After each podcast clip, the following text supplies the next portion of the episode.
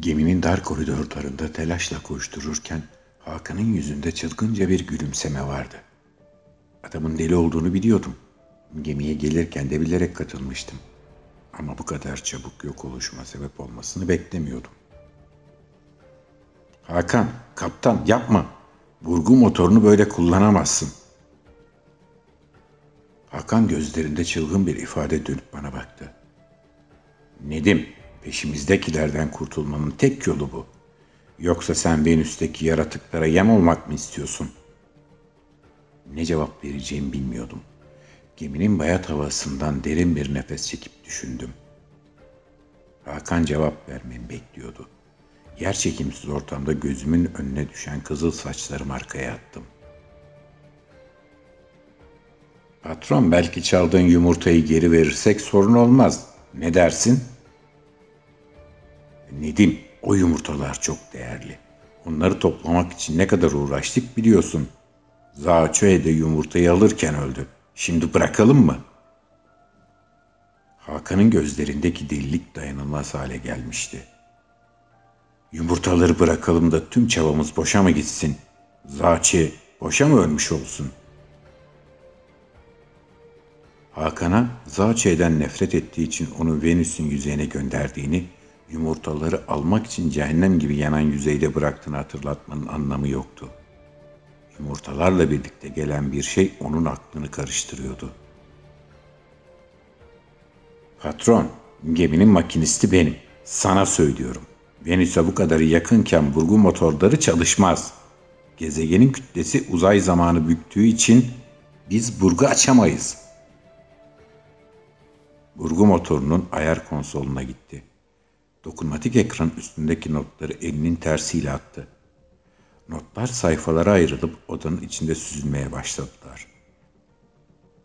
Ben içimden keşke notları klasöre koysaydım diye düşünürken Hakan ayarların başına geçti.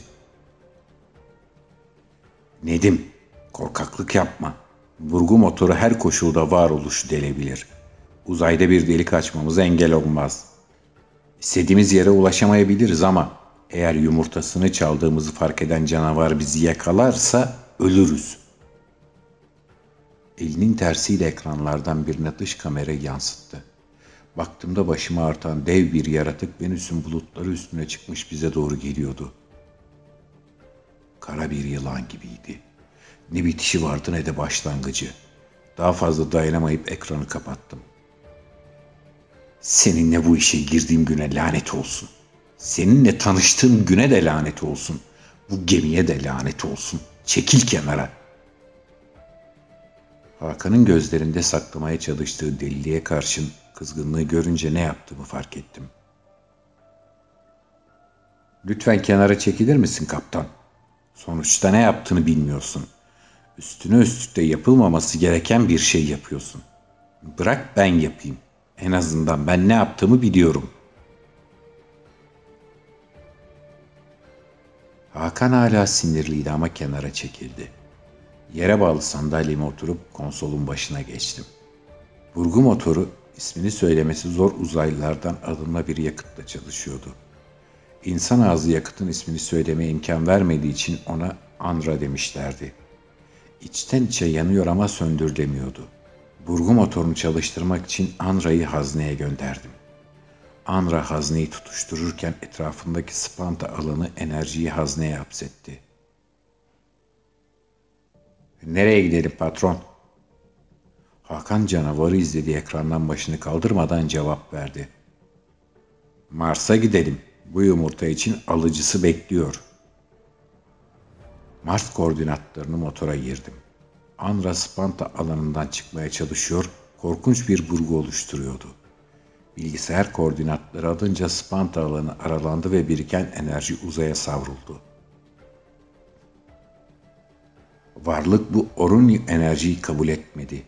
Uzay sessizce yırtılıp Oruni enerjiyi evrenler arası boşluğa gönderdi. Bazen işte tam bu anda evrenin acı aykırışını duyar gibi olurum. Bu sefer peşimizdekinin ya da yaptığımız işin çılgınlığının korkusundan hiçbir şey duyamadım. Bir aksilik olmazsa Andra vurgusunun peşinden gemimiz evrenler arası boşluğa düşecek. Spanta alanı evrenler arası boşlukta olamayacağı için bir burguda o yapacak ve girdiğimiz koordinatları ortaya çıkaracak. Bir aksilik olmazsa Andra burgusunun peşinden gemimiz evrenler arası boşluğa düşecek. Spanta alanı evrenler arası boşlukta olamayacağı için bir vurguda o yapacak ve girdiğimiz koordinatlarda ortaya çıkacaktık. Ne yazık ki öyle olmadı. İşlerin ters gittiğini gözlerim kapalıyken görmeye başladım da anladım. Her yönde görüyordum. Aynı anda hem nesnelerin kendisini hem içini hem de arkasını görebiliyordum. Anra'nın ve Spanta'nın ne olduğunu anlamıştım. Orini enerjilerinin neden bu kadar korkunç olduğunu görebiliyordum. Hakan'ın zihnine yapışan Venüs'te o laneti de görüyordum. Kasadaki doğmamış olmasına rağmen bizi izleyen o yumurtayı da görebiliyordum. Yumurtanın içinde saklı zihni de görüyordum. Geminin dışında bize bakanları da gördüm. Çığlık atmak istedim ama sesim çıkmadı. Bir yüzyıl gibi süren o bir andan sonra gemide zaman tekrar akmaya başladı. Ağlamaya başladım. Konsola baktığımda sayılar karışmıştı. Gözyaşlarımın arasında kahkahamı tutamadım. Başımı çevirdiğimde Hakan elinde yangın söndürme tüpü üstüme geliyordu. Patron ne oldu? Cevap vermedi. Korkunçtu. Gözlerindeki deliliği gizlemeye bile çalışmıyordu. Zihnindeki lanet onu ele geçirmiş olmalıydı. Ağır yangın söndürme tüpünü kafama atmaya çalışırken çok komik görünüyordu. Kahkaha atarken dar motor dairesinde yana kaçıp ondan kurtuldum. Yangın tüpünün ağırlığı ile yere düştü. Elim bir başkası kontrol ediyormuş gibi kalktı ve ensesine vurdum. Çılgın gözleriyle bana baktı ve yere yıldı. Yangın tüpüne sarılmış yatarken acınası haldeydi. Yumurtanın beni izleyen zihnine aldırmadan konsola geçtim. Kokpit algılayıcılarında kendi ekranlarıma eşledim. Durum kabaca şöyleydi.